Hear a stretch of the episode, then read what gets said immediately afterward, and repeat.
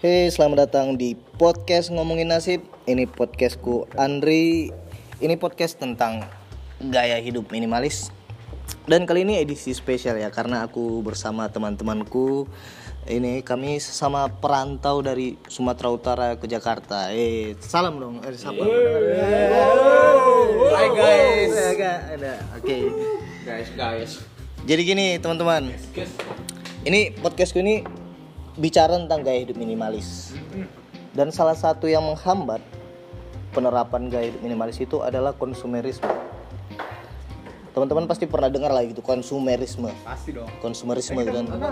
Atau bergelut atau atau nggak tahu gitu ya. Mungkin bagian tahu gitu kan.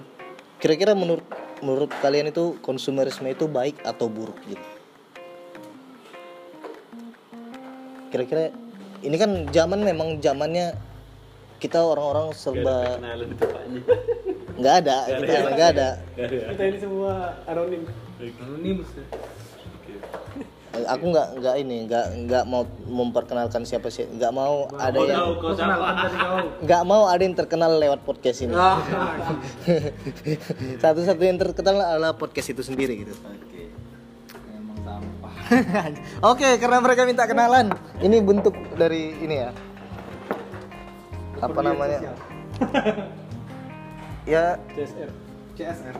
mungkin kita juga perlu tahu nama mereka supaya Dan podcastnya. kita bisa menuntut pertanggungjawaban atas apa pun yang akan mereka katakan setelah ini. Jadi yang pertama ini ada temanku dia seorang uh, aktivis aktivis di lem, di lembaga yang lagi ini oh dia di aktivis di lembaga yang berjuang untuk nilai-nilai pribumi, nilai-nilai leluhur di Indo- di Nusantara, di Indonesia. Ada Olop namanya. Lop. Menurutmu konsumerisme konsumerisme itu apa, Lop? Enggak tahu aku apa konsumerisme. Bahasa pasar Jadi eh, eh, tren tren untuk ngikutin zaman belanja belanja ini itu gitu. oh Oh, jalung lagi menurutmu konsumen. Berarti konsumen ya. setuju nggak dengan itu? Menurutmu itu baik atau enggak gitu? Diikutin gitu. Atau sah sah aja kan ngikutin? Konsumen sah. Konsumerisme itu ada ismenya gitu ya. Iya, ada ismenya. Karena orang merasa bernilai ketika membeli sesuatu zaman sekarang gitu. Ah, kalau konsumen sih ya nggak apa-apa, tapi kalau konsumerisme, kalau dalam benak dalam benak konsumerisme itu artinya semuanya mau dibeli gitu kan. Nah, Padahal nggak butuh dia, tapi dibelinya juga gitu kan. ya mungkin karena iklannya keren gitu. Nah, nah itu. Ada yang bikin dia merasa keren ketika melakukannya gitu. Ya kalau aku sih kalau pribadi ya, pribadi ya tidak sepakat dengan itu karena itu kan jadi memicu apa ya? Memicu Urusan. bukan satu untuk untuk si individu contohnya kan dia kan membeli sesuatu yang sebenarnya dia belum butuh Ah, gitu loh kan tetapi mungkin karena pengaruh iklan dan macam-macam dia menjadi membeli kemudian kantongnya kering gitu kan nah itu untuk si individunya gitu. ada dampak buruk ke Iya. finansial dia juga gitu ya.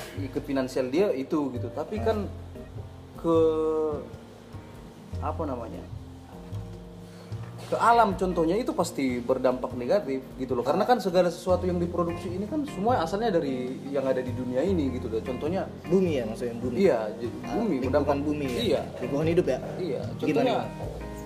eh, katakanlah eh, apa namanya? eh, sebut saja salah satu produk produk apa pun itu tentu bahannya pasti dari bumi gitu loh. Nggak mungkin dari Mars gitu. ya. Nggak mungkin dari Mars gitu ya kan. Karena biaya produksinya kan nanti Iya, distribusinya susah cuy. distribusinya bagaimana gitu kan. Terus apa yang bisa ke Mars gitu kan? Nah, ketika semua orang menjadi konsumeristik gitu kan, Ah, ya. Artinya kan ada tuntutan pasar gitu kan, ada tuntutan produksi yang berlebih. Ah, ya. Produksi yang berlebih tentu akan mengeruk alam gitu loh. Nggak peduli mau apa kayak itu, pokoknya Jadi- mengeruk alam gitu kan. ada kalau kita tidak eh, mengontrol belanja kita maka pengusaha tidak akan mengontrol produksi mereka maka mereka juga tidak akan mengontrol pengambilan bahan baku yang asalnya dari alam jadi nggak terkontrol gitu nggak bisa-bisan gitu itu kalau kalau memang nggak ini ya tapi kan persoalannya mereka selalu menciptakan peluang kan menciptakan pasar melalui iklan yang kau bilang tadi itu ah iya iya. Tapi kalau orangnya sadar akan kebutuhannya jadi dia bisa membedakan mana keinginan dan kebutuhan gitu kan. Ah. kemungkinan ya pengerusakan alam bisa di, diminimalisir gitu. Karena bagaimanapun ceritanya kan manusia itu butuh butuh eh, tools ya butuh alat gitu ya iya iya benar. Mau mau alat apa pun itu gitu kan. Tools. Dan itu kan selalu didapat dari alam. Maukah produksinya memang yang ramah lingkungan tapi kebanyakan tidak ramah lingkungan gitu kan? Itu semuanya dari alam gitu. Kalau ah, kalau produksi yang massal gitu ya yang yang gila-gilaan gitu itu tentu pasti berdampak. Katakanlah produksi plastik gitu contohnya. Ya, Korea. ya kan plastik untuk kresek lah gitu. Itu kan sangat banyak ya yang berdampak negatif ya. Padahal dia sebenarnya bis- masih bisa pakai tas gitu ya. Iya iya. Padahal eh, sampai di pasar contohnya dikasih plastik dan plastiknya kan di langsung sekali pakai aja gitu kan. Iya. kemudian dibuang. Nah ini yang kemudian sampai ke mana-mana gitu kan. Oh, kebetulan tadi aku nonton tadi pagi ya aku nonton berita. Bikin berita sih. Jadi Greenpeace bilang eh, jika tren gaya hidup kita seperti ini dibiarkan kita bikin sampah plastik buang sampah ke laut gitu kan. Kan kita kalau belanja itu pasti ada plastik ya zaman sekarang. Eh, 2050 kalau tren ini dibiarkan 2050 plastik akan lebih banyak dari ikan di lautan sana. Itu prediksi dari Greenpeace. Hmm. bisa masuk akal memang sekarang aja kan banyak tuh lihat tuh video-video banyak di YouTube tuh yang ikan mati ikan paus di perut di perutnya banyak eh, sampah plastik dan macam-macam gitu. Dan ada lagi yang penyu yang terperangkap apa yang nempel-nempel plastik atau semacam jaring di badannya ada yang kena paku ada yang macam-macam gitu kan. Iya iya. Ya bayangin aja kita kan juga makan ikan kan kebanyakan dari laut ya ada memang yang dari air tawar gitu tapi kan air tawar juga kan terkontaminasi juga dengan sampah gitu. Bayangin kalau kita makan ikan yang memang eh, dari laut yang yang tercemar baga- eh, seperti itu gitu. Hmm. Iya, benar. kita ke ini dulu ke yang kita dengar pendapat dari guru olahraga dulu ya. Dan guru olahraga ini kan gayanya hidup sehat gitu kan. Gayanya doang hidup sehat. Padahal nggak tahu kita faktanya kan gitu. Iya. Jadi ini temanku dia namanya Haluang dia punya podcast, punya podcast. Podcast guru olahraga. Eis. jadi itu podcast yang bahas soal olahraga tapi kocak gitu. Jadi seru dia. Eh, bro pak pak guru. Pak guru Haluang. Siap, siap, siap. jadi menurut Pak Guru Haluang sebagai seorang guru dan seorang guru olahraga kan dua ini. Dua dua entitas yang berbeda nih cuy kita gali dalam-dalam ilmunya Eh, gratis kalau dia di sekolah bagi ilmu bayar jadi di sini gratis kita harus gali sedalam-dalam Coba, coba. menurut menurutmu konsumerisme itu baik atau buruk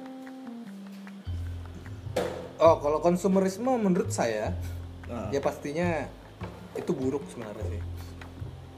karena Tapi iya karena aku sebenarnya bingung juga ini. Konsumerisme itu berarti artinya orang yang ini ya apa namanya?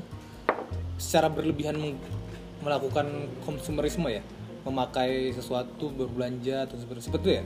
ya mungkin seperti itu Iya. Ya artinya sebenarnya di dunia ini nggak boleh ada yang berlebihan. sih. Artinya carilah, belanjalah, gunakanlah sesuai dengan kebutuhan seperti itu. Tapi memang makanya untuk dalam upaya itu kita harus yang namanya membeli barang yang sesuai dengan kebutuhan kita. Efisien tahan lama.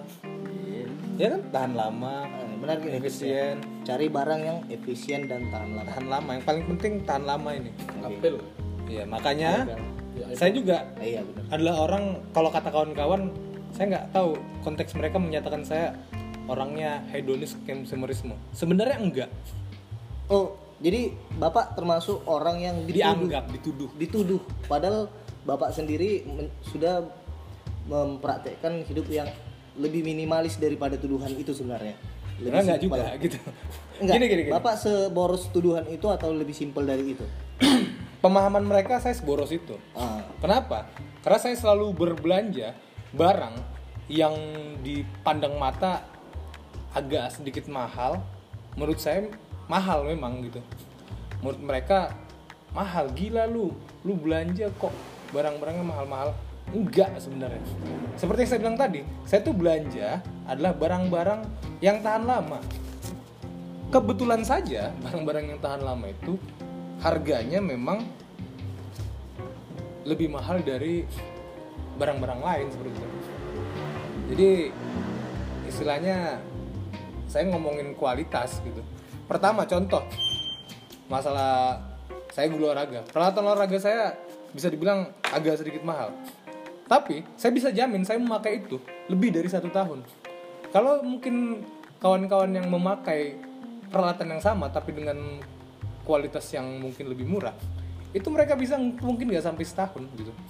Bahkan jadi beli dua gitu dalam setahun, misalnya seperti itu.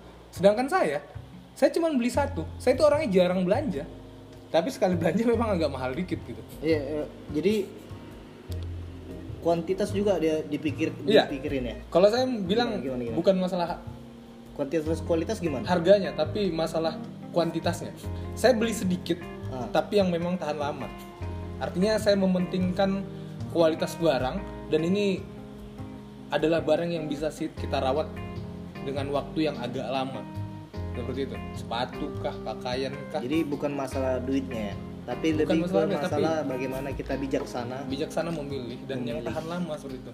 Ah. Sebenarnya saya juga udah menerapkan gaya hidup minimalis juga sih sebenarnya. Sesederhana yang saya buat adalah saya kalau berbelanja di Indomaret, saya upayakan upayakan puasa plastik. Artinya, Oh. saya pasti bawa saya selalu bawa tote bag sih sebenarnya. Apa bawa? Tote bag, tote bag. Jadi saya belanja kalau dibilang pakai plastik mas, maaf mbak saya nggak pakai plastik saya pakai ini aja. Kalau ibu mau ngasihkan yang lain nomor handphone aja saya bilang gitu. Kebetulan memang kasir Indomaretnya di daerah saya cakep-cakep gitu. Jadi kalau ditawarin Bapak- plastik saya nggak menerima plastik. gitu. pencitraan, tapi ternyata pencitraannya bagus gitu. Iya ya. gitu. Plastiknya pak kata gitu. Oh enggak bu, nomor handphonenya aja sini saya bilang gitu. Oh gitu. Iya itu gaya hidup minimalis menurut saya. Berarti Bapak eh, membajak ide minimalisme untuk Iya. kepentingan Bapak sendiri. modus. Gitu.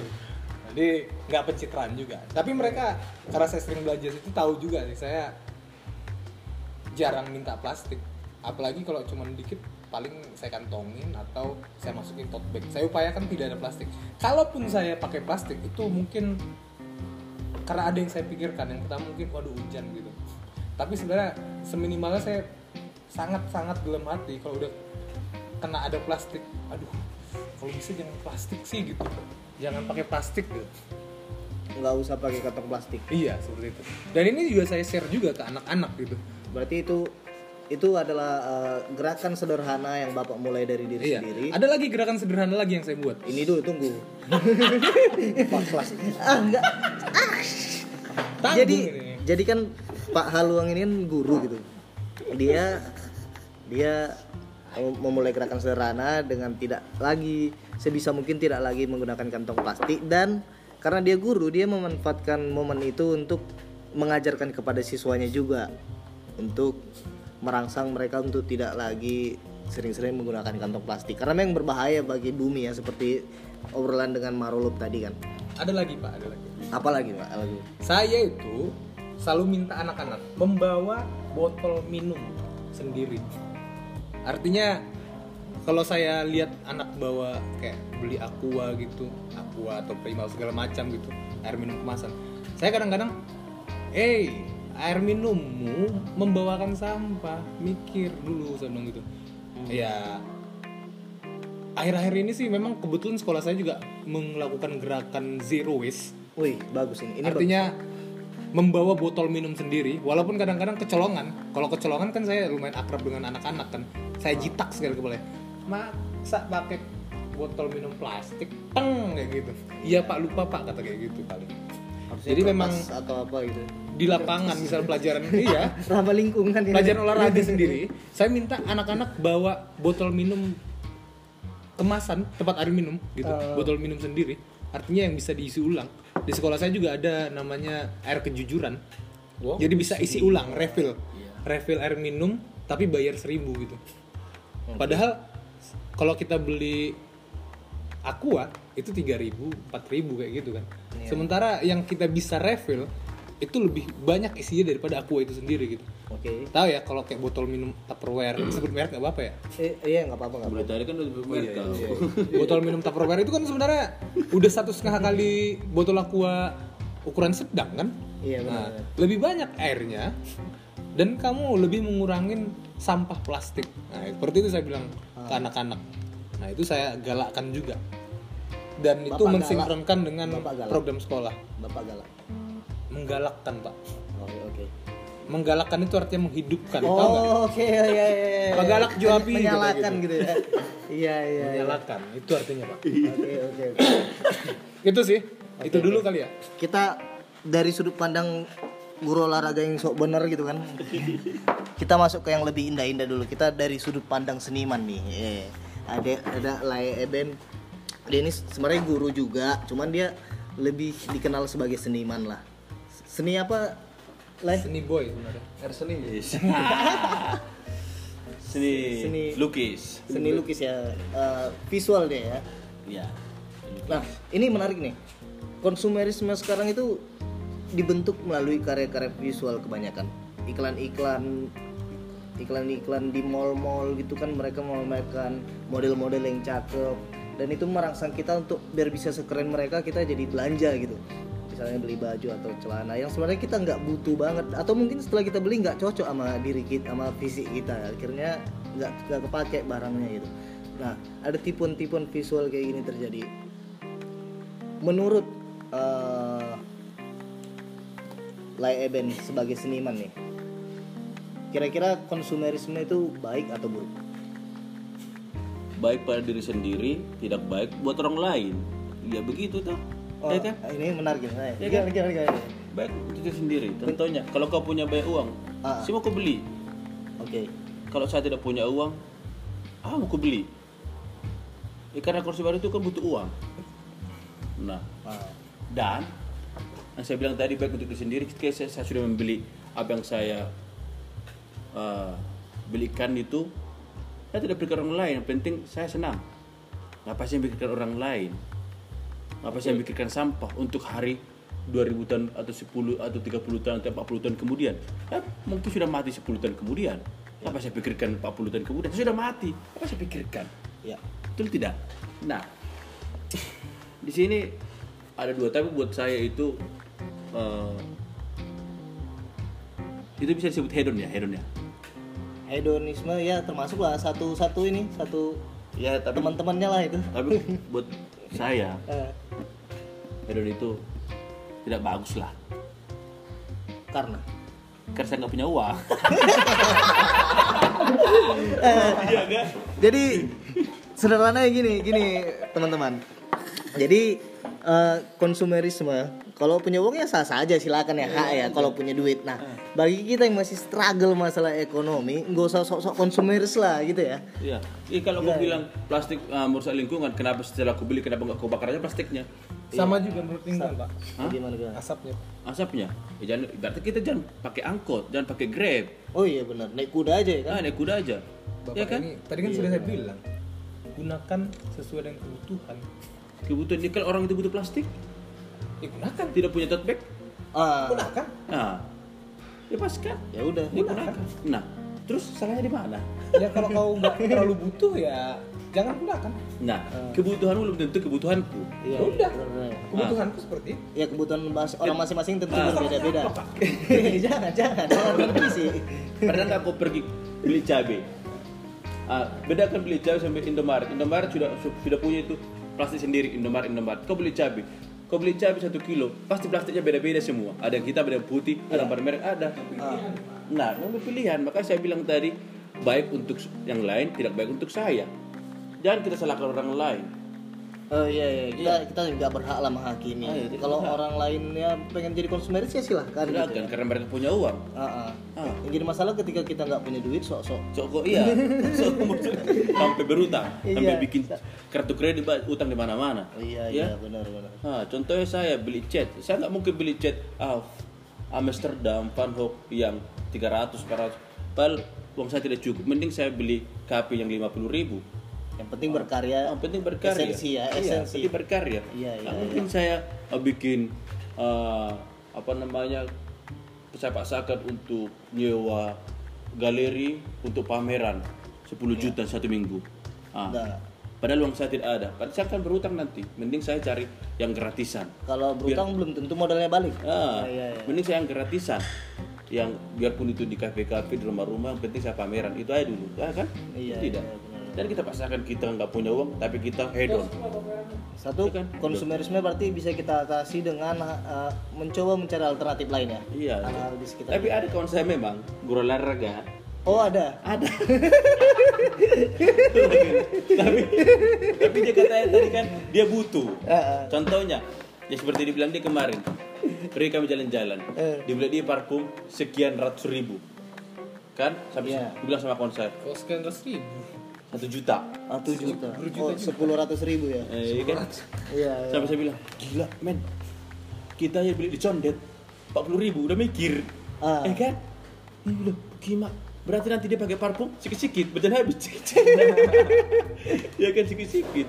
Nah, tapi mungkin kata dia itu kebutuhan saya karena saya ol- olahraga, mungkin saya bau, bukan saya keringatan. Bisa jadi. Ya? Bisa jadi. Itu kebutuhan dia. Contohnya dia beli sepatu. Jadi sah saja tetap ya. Satu juta lima ratus. Saya beli sepatu. Satu juta lima ratus, tiga juta sepatu cuy. Tiga juta. Kalau saya olahraga, Sebelah. kau. Sebelah satu setengah. Sepasang tiga juta. Ah. Ah. Ya udah sepatu doang, satu tujuh ratus. Eh macam apa ini tujuh ratus? Ya kan? Hmm. Gila. Tapi setelah di oh dia butuh dia untuk olahra- olahraga. Tapi kadang ada alasan dia karena muridku sepatu seperti ini saya harus seperti ini. Betul tidak? Ada kebutuhan juga. Ada ada ada sesuatu yang akan harus ah, yang bisa dipenuhi dengan membeli itu gitu ya. Iya. Iya iya. Mungkin situ kepuasan dia. Ada kepuasan. Makanya saya tidak melarang. Tapi kalau kalau dia sempat bilang begini, utang Joe Pengmi, pinjam uang untuk beli ini, eh, itu salah. Ya benar. Tapi dia nggak pernah berutang. Aku selalu berutang sama dia. aku selalu Iya, berutang. iya, iya. Makanya dia itu KUD, Koperasi Unit Desa. Tapi Iya. tanpa jangka pembayaran yang ketat ya. Enggak, nggak Iya, pakai iya. dia, nggak pakai bunga dia. Makanya enak berutang sama dia. Buat- Selalu aku heran sama dia. Ini selalu banyak uangnya. Kami sama-sama guru. Dari mana ini? Minimalis. Minimalis. ya. minimalis tahu dari mana minimalis beli parfum aja satu juta Jadi dia sistemnya nggak apa-apa kita beli agak mahal tapi kalau dihitung-hitung eh, penggunaannya ternyata lebih hemat daripada kita beli yang murahan tapi banyak gitu. iya seperti bapak lah Ah, ah, Coba di surga. gimana, lighter gimana? gun handphone iPhone.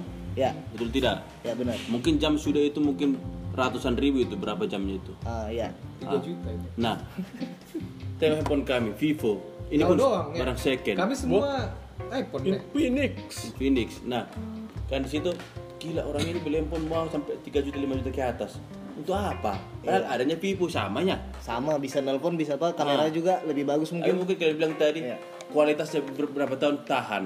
Ah, Nah, situ kan. iya. Nah, Ada nilai yang kita beli. ada ah, ada. Tapi bukan karena kalian mau menunjukkan bahwa kami bisa, Iya, bukan. bukan ya?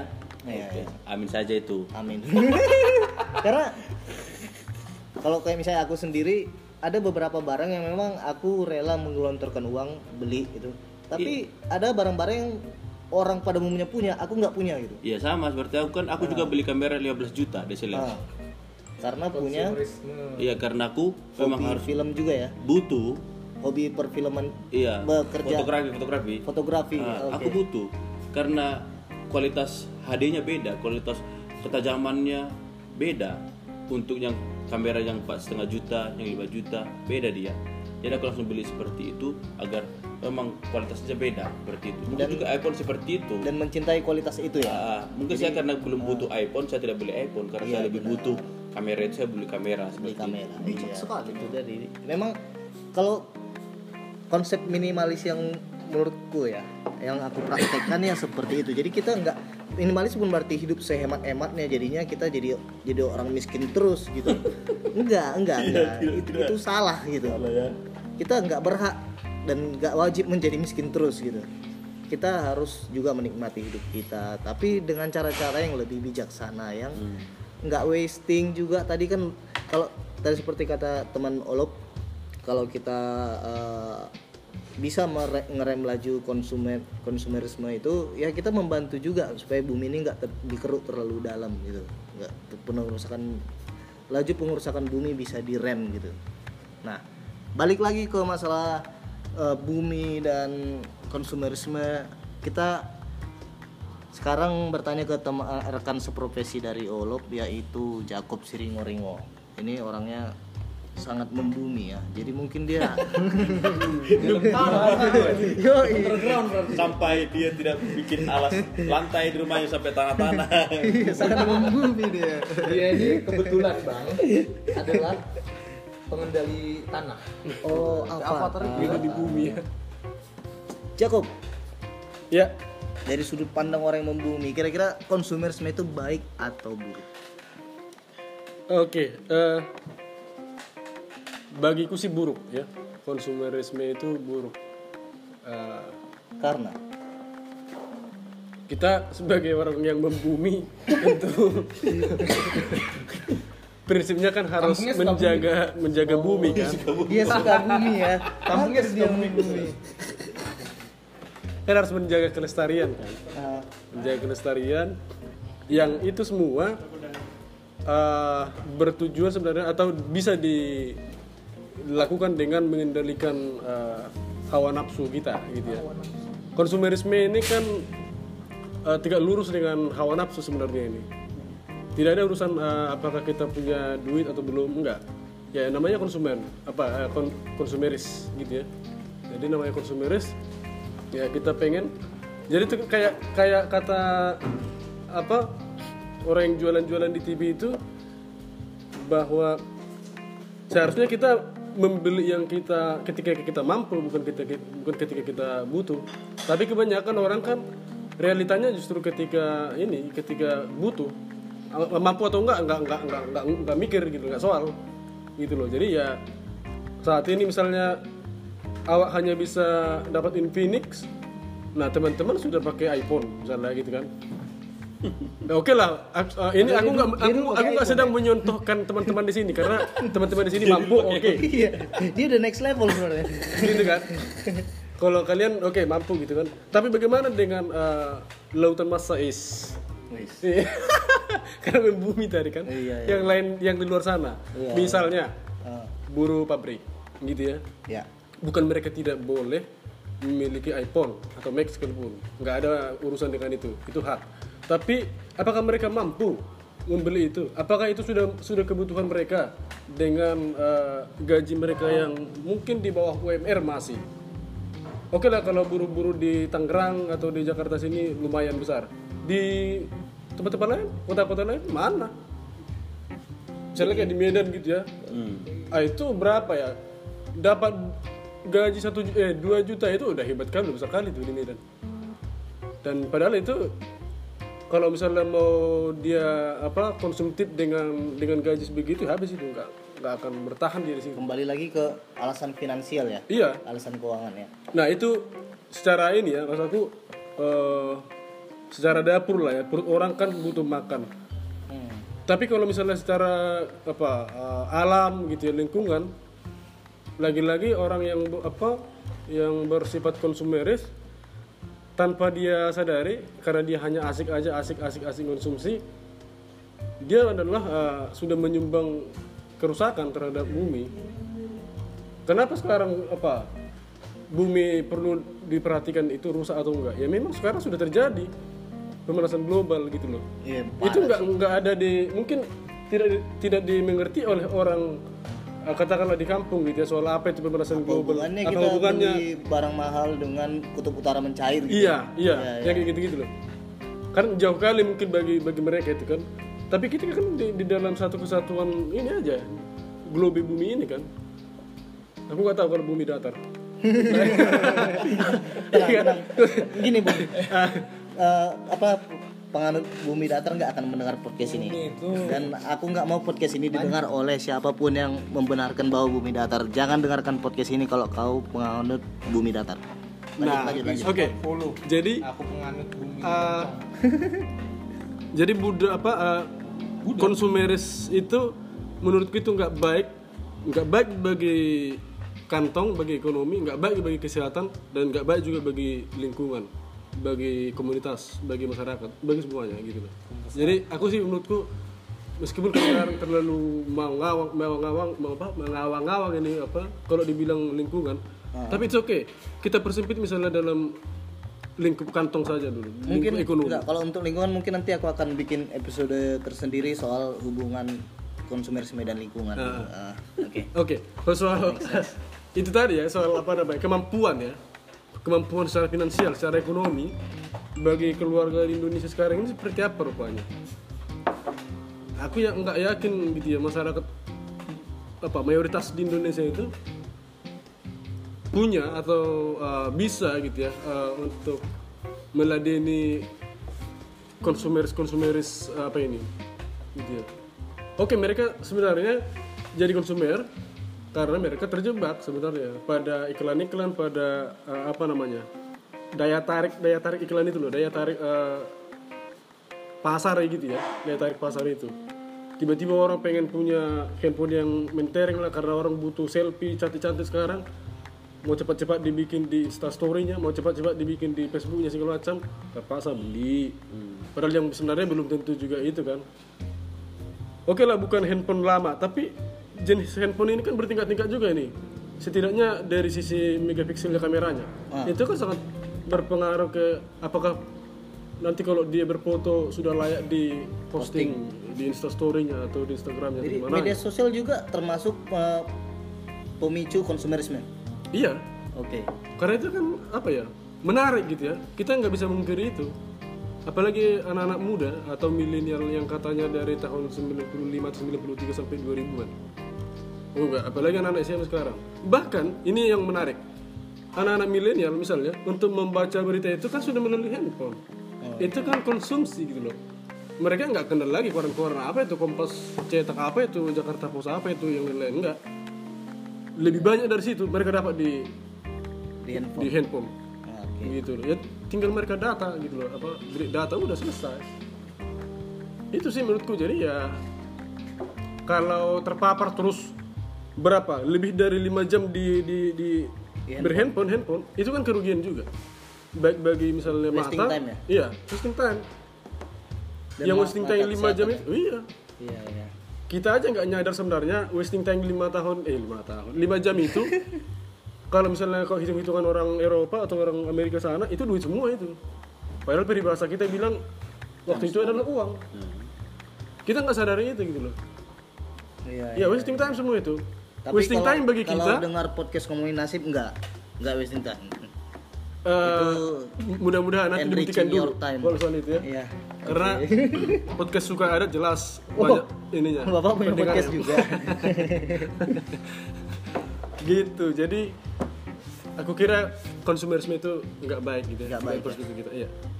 Oke, itu tadi pendapat dari keempat temanku ya. Sesama perantau dari Sumatera Utara ke Jakarta soal konsumerisme yang menurutku merupakan salah satu tantangan bagi teman-teman yang ingin menjalankan gaya hidup minimalis. Nah, eh, buat keempat temanku nih, eh, kira-kira buat kami atau kalian juga mungkin yang ingin menjalani hidup secara sederhana, apa kira-kira eh, pesan yang yang bisa mungkin kami kami ingat dari mungkin sebaliknya dari Jacob dulu apa ini pesan buat Oh, orang-orang oke. minimalis di Indonesia Eh, aku sih pesan bagi orang di Indonesia aku nggak tahu minimalis ini makhluk apa.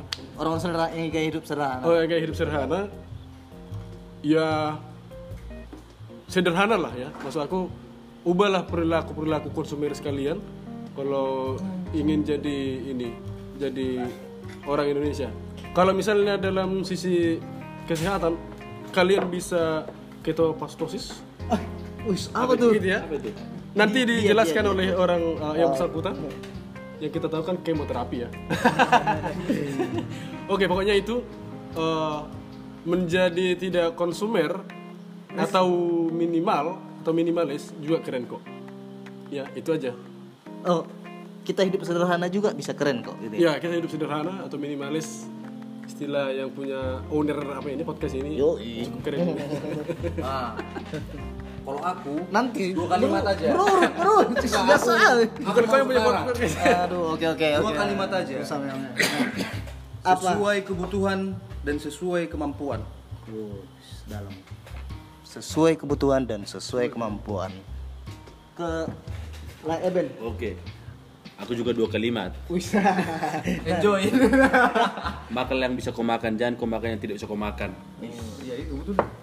Paling penting. Makan Jadi nanti besi ya. jangan lebih besar pasak dari tiang ya kan? Iya.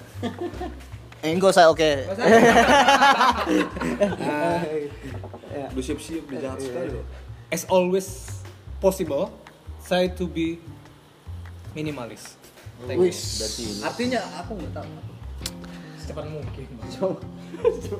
Secepat mungkin jadilah minimalis. Sampai ketemu di episode berikutnya dari podcast ngomongin nasib.